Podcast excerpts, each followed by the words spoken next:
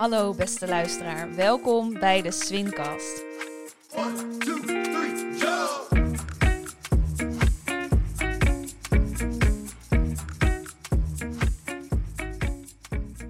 Ik ben Lianne de Bie, directeur van Swin. En mocht je denken, Swin, wat is dat? Wij zijn het Slow Food Youth Network, Swin dus. We zijn een netwerk van jonge mensen die samenwerken aan eerlijk en duurzaam voedsel. En nu denk jij, maar hoe dan?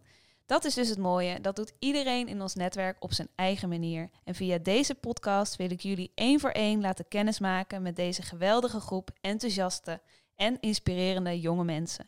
Samen representeren deze mensen onze gezamenlijke reis naar een goed, clean en fair voedselsysteem. Eh, Vandaag is de gast Bibianne Roetert. Ik ben heel erg blij dat je er bent. Ik eh, ken jou nog niet zo lang, maar ehm, wel als een super ambitieus en heel leergierig persoon.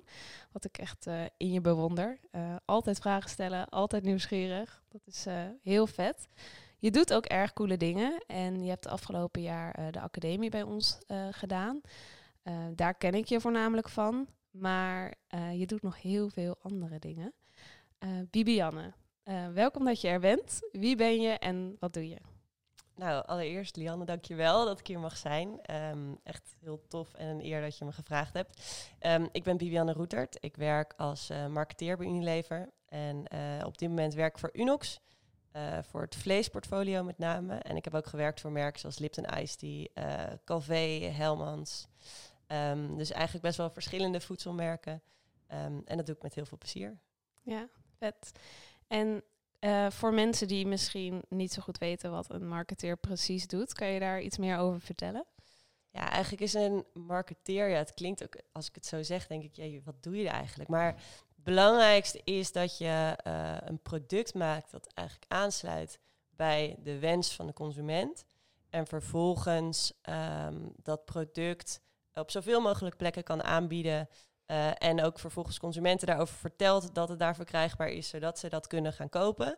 En dan mijn achterliggende eh, missie daarvan is dat ze er ook echt dus blijer van worden en dat het hun leven verrijkt. En dat je niet zomaar iets maakt, ja, omdat je het zelf zo leuk vindt, maar ehm, ook echt dat je daar veel mensen mee kan bereiken en veel mensen blij mee kan maken.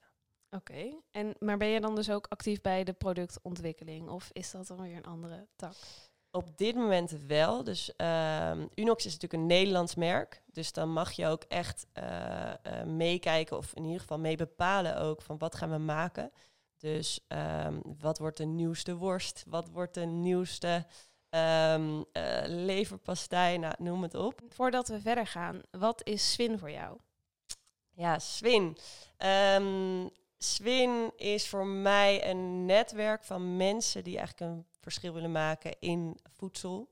Ehm, ik ben denk ik zeven jaar geleden in contact gekomen met Swin via, via Selma van Instok. Zij vertelde mij daarover en ja, ik zat gelijk een puntje van mijn stoel. Ehm, omdat daar, voor mij komt daar eigenlijk alle mooie verhalen van verschilmakers in voedsel samen. Ehm, en ja, ik vind het heel cool dat ik daar dit jaar onderdeel van uit mocht maken. Ja, want wat heeft je doen besluiten om juist dit jaar eh, voor de academie te solliciteren of aan te melden? Ehm, ik heb, denk ik, zes jaar geleden ook al een keer eh, mezelf aangemeld. Toen mocht ik niet meedoen. Eh boehoe, eh, heel jammer. Maar toen dacht ik eigenlijk, dit jaar was er, triggerde iemand anders. Die zei, joh, er zijn weer aanmeldingen, doe je mee? En ik, ja, eigenlijk is het wel het moment om, om weer ja, me in te schrijven en kijken of ik mee mag doen met de academie. En dat mocht. Vet. Ja. Ja, en hoe vond je het om met eh, de andere deelnemers, eh, die weer hele andere dingen doen, hoe vond je dat om daartussen te zitten als marketeer van Unilever? Ja, ik vond het heel ehm, ja, bijzonder. Omdat je, nou ja, om een beetje context te scheppen, we zaten letterlijk met een geitenboerin. We zaten met een ondernemer voor krekelburgers, met chefs, ehm, mensen die, eh, wetenschappers eigenlijk. Ehm, en dat, is, dat zijn mensen die ik niet elke dag spreek voor mijn werk. Ehm, maar die indirect wel een beetje met hetzelfde bezig zijn. Ehm, dus eh, ik heb heel veel van hun geleerd, maar ook wel misschien hopelijk iets aan hen geleerd. Eh, ik heb veel gehoord van, oh, ik had echt een ander beeld van eh, mensen bij grote bedrijven. Alsof het een soort hele grote, heel groot kasteel is waar niemand naar binnen mag. Dat had ik misschien zelf ook wel vroeger. Alleen ik hoop dat ik ook heb kunnen laten zien in de groep van het zijn niet alleen maar ja, mensen in dat kasteel, maar het zijn gewoon echte mensen die ook verschil willen maken en daar hun best voor doen. Ehm, dus ehm, ja, ik hoop dat ik ook een beetje dat heb kunnen geven en daar teruggenomen dat er dus eh, ja, heel veel andere inspirerende mensen zijn op verschillende vlakken. Ja, dus zo komen er toch best wel veel verschillende werelden bij elkaar. En dat is precies wat we ook willen, juist met de Swin Academie. Ja. En je vertelde al van, nou, vroeger keek ik ook misschien best wel op tegen die grote bedrijven, maar toch ben je er terechtgekomen. Hoe, hoe is dat zo gekomen? Ja, ehm, dat is best wel, dat is denk ik wel een grappig verhaal. Ehm, toen ik klein was, eigenlijk, eh, mijn vader die werkte in marketing en die vertelde ehm, dat hij eh, eten maakte voor mensen die daar dan heel blij van werden. En toen dacht ik, wow, dat is leuk, dat wil ik ook. Eh, en toen had ik, ehm, ben ik daarna bedrijfskunde gaan doen in master marketing. Ehm, en eh, vanuit daar de gedachte, oké, ik wil zoveel mogelijk mensen kunnen bereiken. Dus dan wil ik bij een Nederlandse grote speler eh, op het gebied van voedsel werken. En als dat niet lukt, want daar hield ik natuurlijk ook rekening mee, ehm, dan word ik gewoon, eh, dan ga ik werken bij de bakker op de hoek. En dan ga ik een klein groepje mensen gewoon heel erg blij maken met, eh, met wat ik doe. Maar uiteindelijk eh, werd ik aangenomen en ik zit er nog steeds met heel veel plezier. Ja, want hoe lang zit je daar al nu? Al acht jaar. Zo'n grote speler, je wilde gewoon mensen bij, blij maken met, met eten. Maar heb je het idee dat je in die rol wel mensen blij kan maken? Ik bedoel, je zit zo ver weg van mensen. Eh, ik bedoel, je, zegt, je noemt het zelf al een soort van... Mensen kijken naar jullie alsof jullie in een kasteel of een ivoren toren zitten. Ja, heb je wel contact met klanten? Zeker. Ik heb bijvoorbeeld donderdag en vrijdag heb ik twaalf verschillende consumenten gesproken over een nieuw concept. En dan heel erg gehoord van, goh, eh, hoe kook jij nu? Eh, wat eet jij daar dan bij? En past het nieuwe concept, past dat dan in jouw, zou dat in jouw nieuwe eetgewoontes passen? Dus ehm, ik, in die zin, ik spreek mensen één op één. Ehm, maar ik denk ook dat juist het mooie is van de merken waar ik voor mocht werken en mag werken. Ehm, heel veel mensen hebben er wel een gevoel bij. Als je het hebt over Unox, ja, iedereen heeft wel een soort Unox-moment in zijn hoofd. Er zijn 84% van Nederland koopt producten van Unox. Dat betekent gewoon dat je eigenlijk bijna in elke woonkamer eh, kom je wel binnen eh, met die producten. Dus ehm, misschien dat ik niet elke Nederlander zelf spreek, maar ik kan wel letterlijk bij elke Nederlander binnenkomen door de producten die ik maak. En als ik daar dan goed mijn best voor doe, dan eh, kun je alleen maar meer product, zeg maar meer mensen bereiken. Want dan worden die producten nog geliefder en dan kun je nog meer fans maken. En dat, ja, dat vind ik gewoon een hele ja, bijzondere gedachte eigenlijk. Ja. ja, dat je in zoveel, dat zoveel mensen kennen waar jij mee bezig bent. Ja, Ja. Ja, nou die marketeers van Unox hebben dat eh, wel goed eh, gedaan, inderdaad. Ehm, nou ja, jouw missie is niet alleen maar eh, mensen blij maken met voedsel, volgens mij, of met eten. Ehm, kan je daar iets meer over vertellen? Wat, wat heb jij, ja, jij hebt een missie, ik weet ervan, maar kan je daar iets meer over vertellen van wat wil jij echt veranderen in het voedselsysteem en waarom juist bij Unilever? Ehm, ik denk voor, voor mezelf het belangrijkste vind ik eigenlijk dat eh, ik wil mensen bewust van maken dat ze een keuze hebben. Ehm, en dat is zowel aan de consumentenzijde als aan de producentenzijde. En ehm, daar wil ik mensen bewust van maken en zorgen dat ze die verantwoordelijkheid nemen om de juiste keuze te maken. Eh, klinkt misschien een beetje holistisch.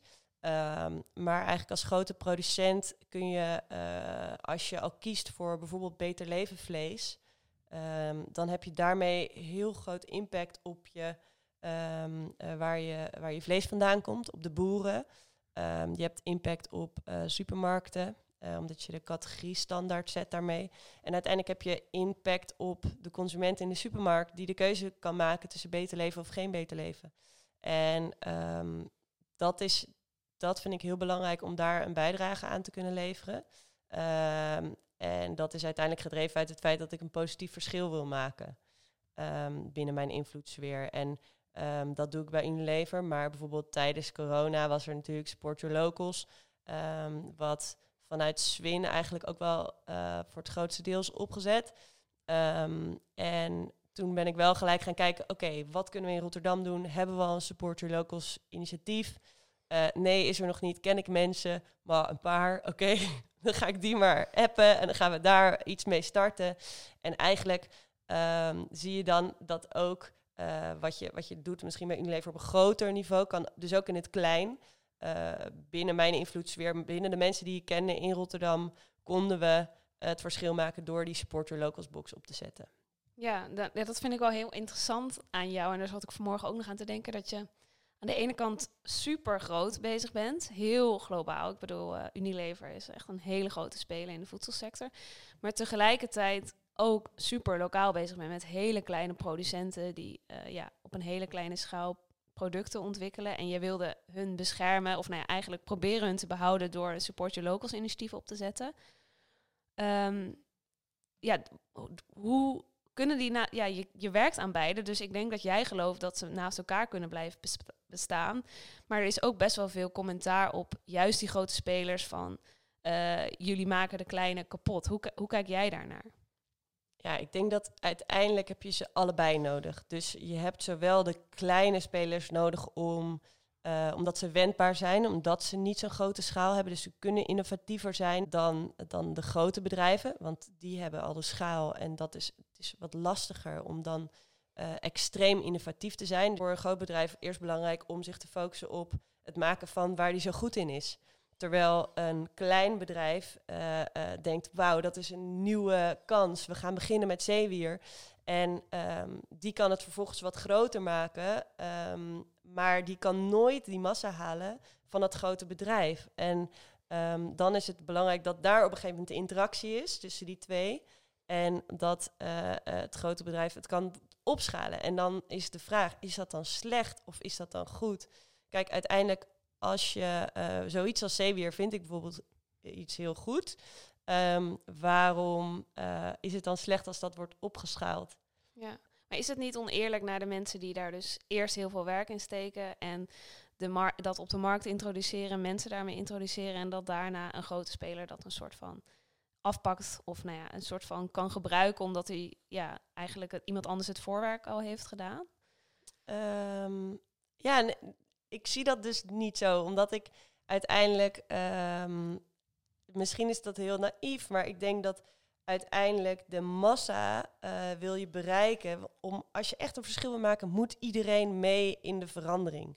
En ehm, de, dan is het gewoon fijn als je gebruik kan maken van je massale distributiekanalen als een supermarkt. Eh, dat je van gestandaardiseerde processen van een groot bedrijf gebruik kan maken. Kijk, ehm, ik denk dat als je het zo ziet en dat je het dus meer ziet letterlijk als opschalen om zoveel mogelijk mensen te bereiken om, om een grotere impact te kunnen maken, ja, dan is het wat mij betreft iets heel positiefs.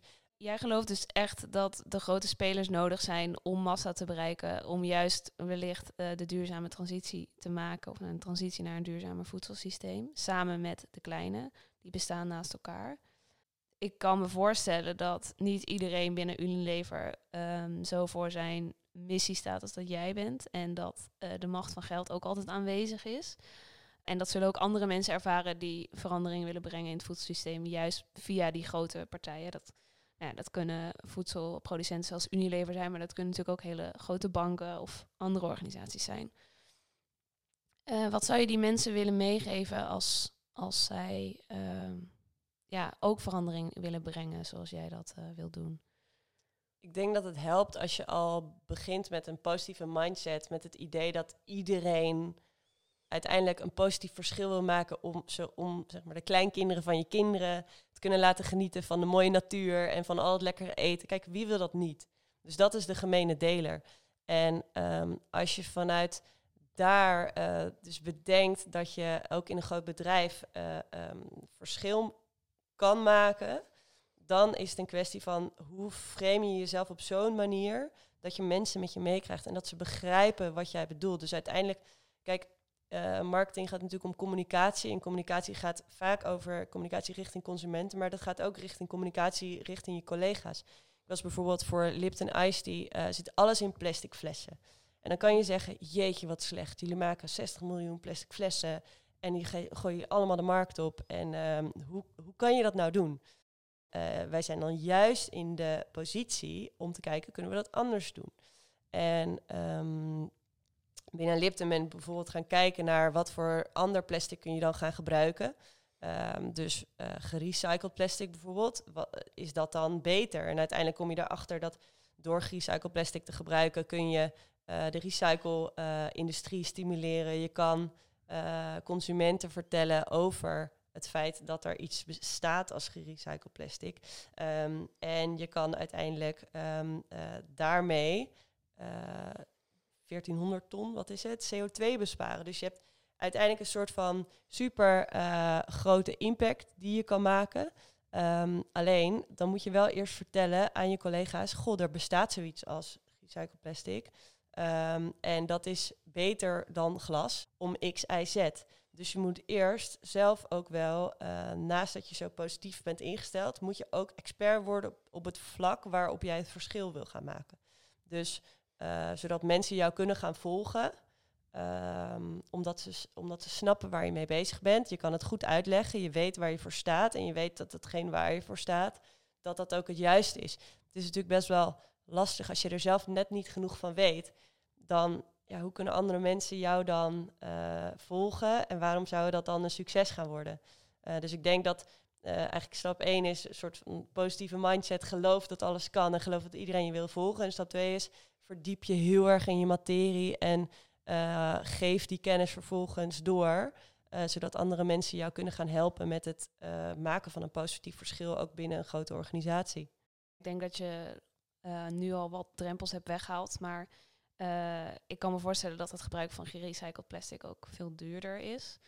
Uh, ja, um, ik denk dat dat voor heel veel ehm, ja, mensen die collega's zijn ook wel weer een soort van... oké, maar het is hartstikke mooi idee en je hebt het heel goed uitgedacht... en we zien ook wel dat het mogelijk is, maar het is te duur, dus we doen het niet. Wat doe je daarmee? Ja, in die zin, het is een, een soort context waarin je gewoon verschillende uh, invloeden hebt. En een van die invloeden is de prijs van dat nieuwe materiaal. Alleen, uh, ja, dat is dan misschien, oké, okay, oeh, spannend. Dat is misschien wat duurder of dat is anders dan dat het huidige is. Er is een ander proces voor nodig, bijvoorbeeld. Um, dan kan je uit het veld laten slaan en denken, ja, shit, oké, dat gaat niet door dus, want het is anders. Maar je kan ook denken, oké, dat is dus invloed aan de, zeg even, de bovenkant. Maar dat, wat is er dan aan de onderkant waar ik misschien nog zelf iets aan kan veranderen, waardoor het geheel wel zou kunnen werken?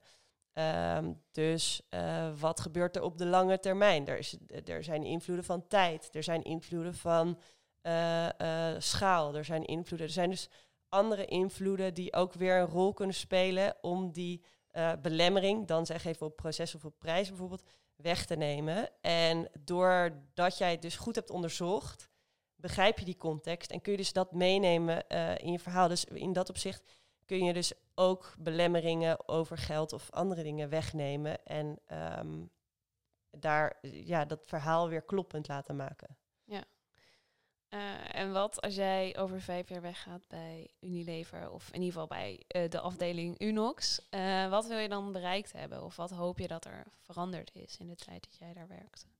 Um, waar wij nu naartoe werken is dat uiteindelijk um, de eiwitbalans, dus je hebt dierlijk en plantaardig eiwit. En in Nederland um, is die balans eigenlijk uit balans. Dus mensen eten over het algemeen 63% dierlijk eiwit en 47 procent uh, plantaardig eiwit. Nee, 37 procent, excuus. Mm -hmm. um, en dat eigenlijk wil je die balans wil je richting 50-50. En uh, dat is zowel beter voor de gezondheid als beter voor de planeet op de lange termijn. alleen Nederlanders en over het algemeen mensen vinden het gewoon best wel ingewikkeld om um, dat stukje vlees te laten staan, omdat het zo'n belangrijk onderdeel is van hun maaltijd. Dus je moet ze lekkere alternatieven geven. Dus als ik wegga bij Unilever of uh, bij Unox, mm -hmm. als ik wegga bij Unox, dan hoop ik dat uh, er uh, hele lekkere alternatieven zijn voor op je stampot. Want uiteindelijk, die stampot die hoort bij die Nederlandse eetcultuur. Dus je wil ook ja, dat de stampot voor die, die kleinkinderen van je kinderen nog steeds bestaat. En dat ze hem net zo lekker vinden. Maar um, dat er dan ook een keer stampot wordt gegeten met iets anders dan uh, de rookworst van varkensvlees. Maar bijvoorbeeld met een vegetarische rookworst of uh, met, een, uh, met een worst gemaakt van iets heel anders dan de, de, vegetarische ingrediënten die je nu zou kennen. Ja, Dus je wilt het grote publiek mee hebben gekregen in de, de eiwittransitie. Eigenlijk wel, ja. Ja. ja. en ik zie daar dus voor een merk als Unox is het eh, mooie dat je dus in die 84% van de huishoudens bent. Dus je kan iedereen meenemen op die reis richting eh, de plantaardige alternatieven en het eten van meer groenten. Ehm, dus dus dat, ja, dat vind ik een heel mooi uitgangspunt en ik hoop dat ik daarom kan bijdragen in de komende tijd. Ja, want Unilever is veel groter. En ik ben ook wel benieuwd. eh, jullie doen goede dingen, jullie willen goede stappen maken. Maar veel wat jullie produceren is toch wel gewoon zwaar bewerkt voedsel. Of in ieder geval bewerkt voedsel. Wat ehm, ook ja, veel ongezonde producten bij zitten.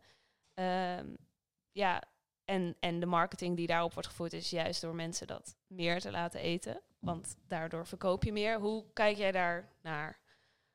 Of, of hoe, hoe, wat zie je bij Unilever gebeuren? Weet, hebben ze dat door? Willen ze daar iets aan doen? En hoe? Ja, ik denk dat iedereen zich. Iedereen is echt wel heel erg bewust van de impact die wij hebben eh, als een groot bedrijf met de grote merken en, en daarmee de heel veel huishoudens die je bereikt. Ehm, dus ik denk dat er een hele duidelijke eh, tweesplitsing is. Aan de ene kant heb je de producten die we maken voor de mensen om af en toe van te genieten. Dus je mag best af en toe een keer een ijsje eten. Of je mag best af en toe een keer een frisdrank drinken of een, of een ijsthee eigenlijk. Uh, maar binnen uh, de ijsjes en de ijsthee die we maken, willen we wel zorgen dat um, de suikerlevel in bijvoorbeeld ijsthee zo laag mogelijk is, terwijl de smaak gelijk blijft. Uh, en dat de plastic fles waar die ijsthee in zit, dat die wel gemaakt is van gerecycled plastic. Dus daarin, binnen die productcategorie, proberen we dan wel het allerbeste te doen. Um, maar we accepteren ook gewoon dat ja, mensen die eten dit, moeten dit niet elke dag eten. Gewoon af en toe lekker van genieten. Um, maar aan de andere kant, als je kijkt bijvoorbeeld naar een product als pindakaas. Ja, pindakaas is echt een heel mooi verhaal zit er eigenlijk achter. Dat uh, na uh, de bombardementen op Rotterdam ze letterlijk dachten, oké, we moeten de stad weer gaan opbouwen. Uh, daarvoor hebben mensen energie nodig. Waar zit nou heel veel energie in? Ja, in pinda's. Dus we gaan daar dat allemaal bij elkaar gooien. En daar maken we dan een pindakaas van. Uh, en daarmee uh, heeft iedereen genoeg kracht om de stad weer op te bouwen. En uiteindelijk, als je zo'n verhaal, denk ik, ja, dat is, dat is toch iets heel moois. En dat is toch mooi als je dat door kan geven. Want dat is gewoon onderdeel van, ja, de Nederland, van Nederland eigenlijk. En uh, zo zijn er meer dingen. Ja, Unox natuurlijk ook als merk. soepen, inblikken. Ja, het zijn gewoon groentes. Dus er zit in een kom soep 240 gram groenten. Ja, hoeveel Nederlanders eten nou zoveel groenten op een dag standaard? En dat kan dus wel door gewoon een blik in je kastje te hebben staan en dat in je kom te doen. Dus ja, ik, in, in die zin geloof ik wel dat wij heel erg bewust zijn van de rol die we hebben. en ook kijken naar, oké, hoe kunnen we dan alsnog altijd het recept optimaliseren bijvoorbeeld. Ja, het is wel in een andere aflevering praten we met Melissa Korn en zij is heel veel um, bezig en gespecialiseerd in eetcultuur. En ik hoor je al een paar keer het woord eetcultuur zeggen. In hoeverre denk je dat Unilever de Nederlandse eetcultuur heeft gevormd? Ik denk niet dat Unilever de Nederlandse eetcultuur heeft gevormd. Ik denk dat de merken die onder de Unilever vlag vallen, bijdragen eraan. Dus um, stampot zonder worst is eigenlijk geen stampot. Dus, en stampot is natuurlijk wel iets heel belangrijks in, een, in de winter, in de Nederlandse winters. Um, uh, pindakaas, nou ja, uh, een broodje pindakaas is gewoon energie, is voedzaam. En um, ja, dat is gewoon iets wat je aan je kind wil geven of, of en zelf lekker eet. Dus uh, in die zin ja, denk ik dat we niet zozeer gemaakt hebben. Of dat, die illusie heb ik totaal niet. Ik denk wel dat we uh, ons best doen om het in stand te proberen te houden met de merken die we hebben. Ja, dus jullie hebben merken gebouwd rondom die eetcultuur. Ja, ja. want jij hebt zelf ook bij Calvé uh, op de afdeling van Calvé gewerkt, ja. toch? Ja, ik zag het. Ja. Interessant verhaal van de, van de pindakaas. Dat wist ik nog niet. Grappig. Um, nou ja, je hebt dus als, als werknemer van Unilever ook de Swin Academie gevolgd. In hoeverre heeft de Swin Academie ook bijgedragen aan uh, je werk en je missie? Um, wat de Swin Academie mij gebracht heeft, is eigenlijk uh, heel veel meer verhalen en inspiratie van buiten mijn eigen bubbeltje.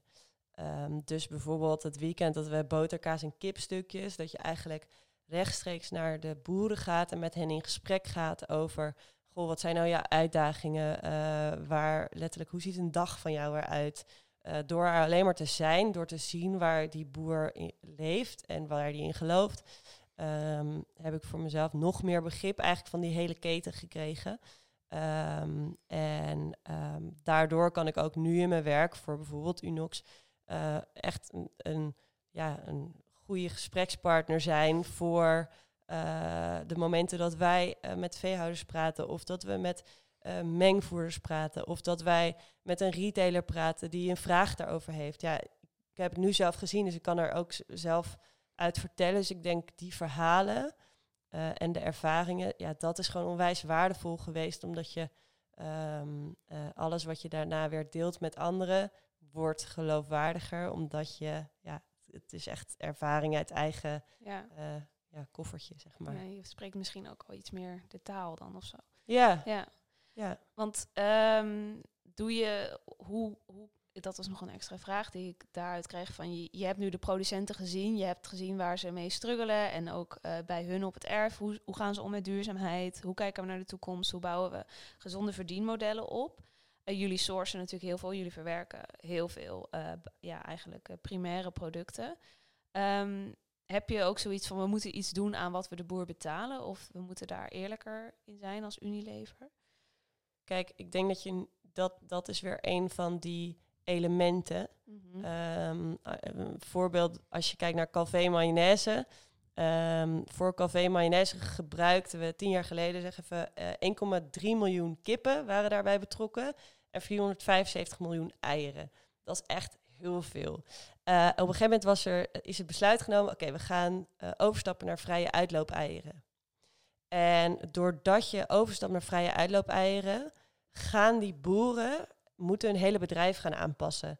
Dus die krijgen ineens de kans om de kippen die zij houden eh, meer ruimte te gaan geven, meer geld te krijgen per ei, zeg even. Ehm, en eh, uiteindelijk, wij stoppen dat in een pot en we verhogen, soort van de standaardiseren eh, vrije uitloop eieren in de categorie. Dus ook voor private label of voor andere merken, die zien in één keer, oh, we gaan eh, over op vrije uitloop eieren. Of althans, de grootste speler in de markt gaat over een vrije uitloop eieren. Dus dan ja, willen wij dat ook. Ehm, en zo kan je dus, gaan zij ook weer vragen naar die vrije uitloop eieren. En krijgen dus weer meer boeren de kans om eh, op een vrije uitloop eieren manier eh, te gaan boeren. En dat heeft natuurlijk effect op eh, het dierenwelzijn, maar dat heeft ook effect op de boer en op de portemonnee van de boer. Dus in die zin wordt er wel echt altijd gekeken naar, oké, hoe kunnen we ja, verbeteringen maken in de keten? Ehm, en, en wat is daar dan voor nodig? Dus bijvoorbeeld de schaal is ook vaak een probleem, omdat we zo groot zijn, eh, moet er ook, moeten er genoeg eieren zijn. Maar als er dan in één keer de knoop door wordt gehakt, dan worden gelijk echt meerdere boerderijen helemaal omgeturnd voor alleen de eieren van één product. Dus dat is wel, ja, vind ik wel een mooi effect ervan. Ja, wat een getallen zeg. Het is echt bizar. Wat hebben jullie vaste contracten dan? Zijn die boerderijen dan een soort van van jullie? Of, of is dat alsnog een eigen ondernemer? Nee, ja, dat verschilt ook heel erg per product. Ehm, en in principe, we hebben gewoon een hele grote afdeling die zich bezighoudt met eh, op een juiste manier inkopen. En die mensen weten ook ontzettend veel. Die mensen weten de verhalen, die mensen weten alles over de producten.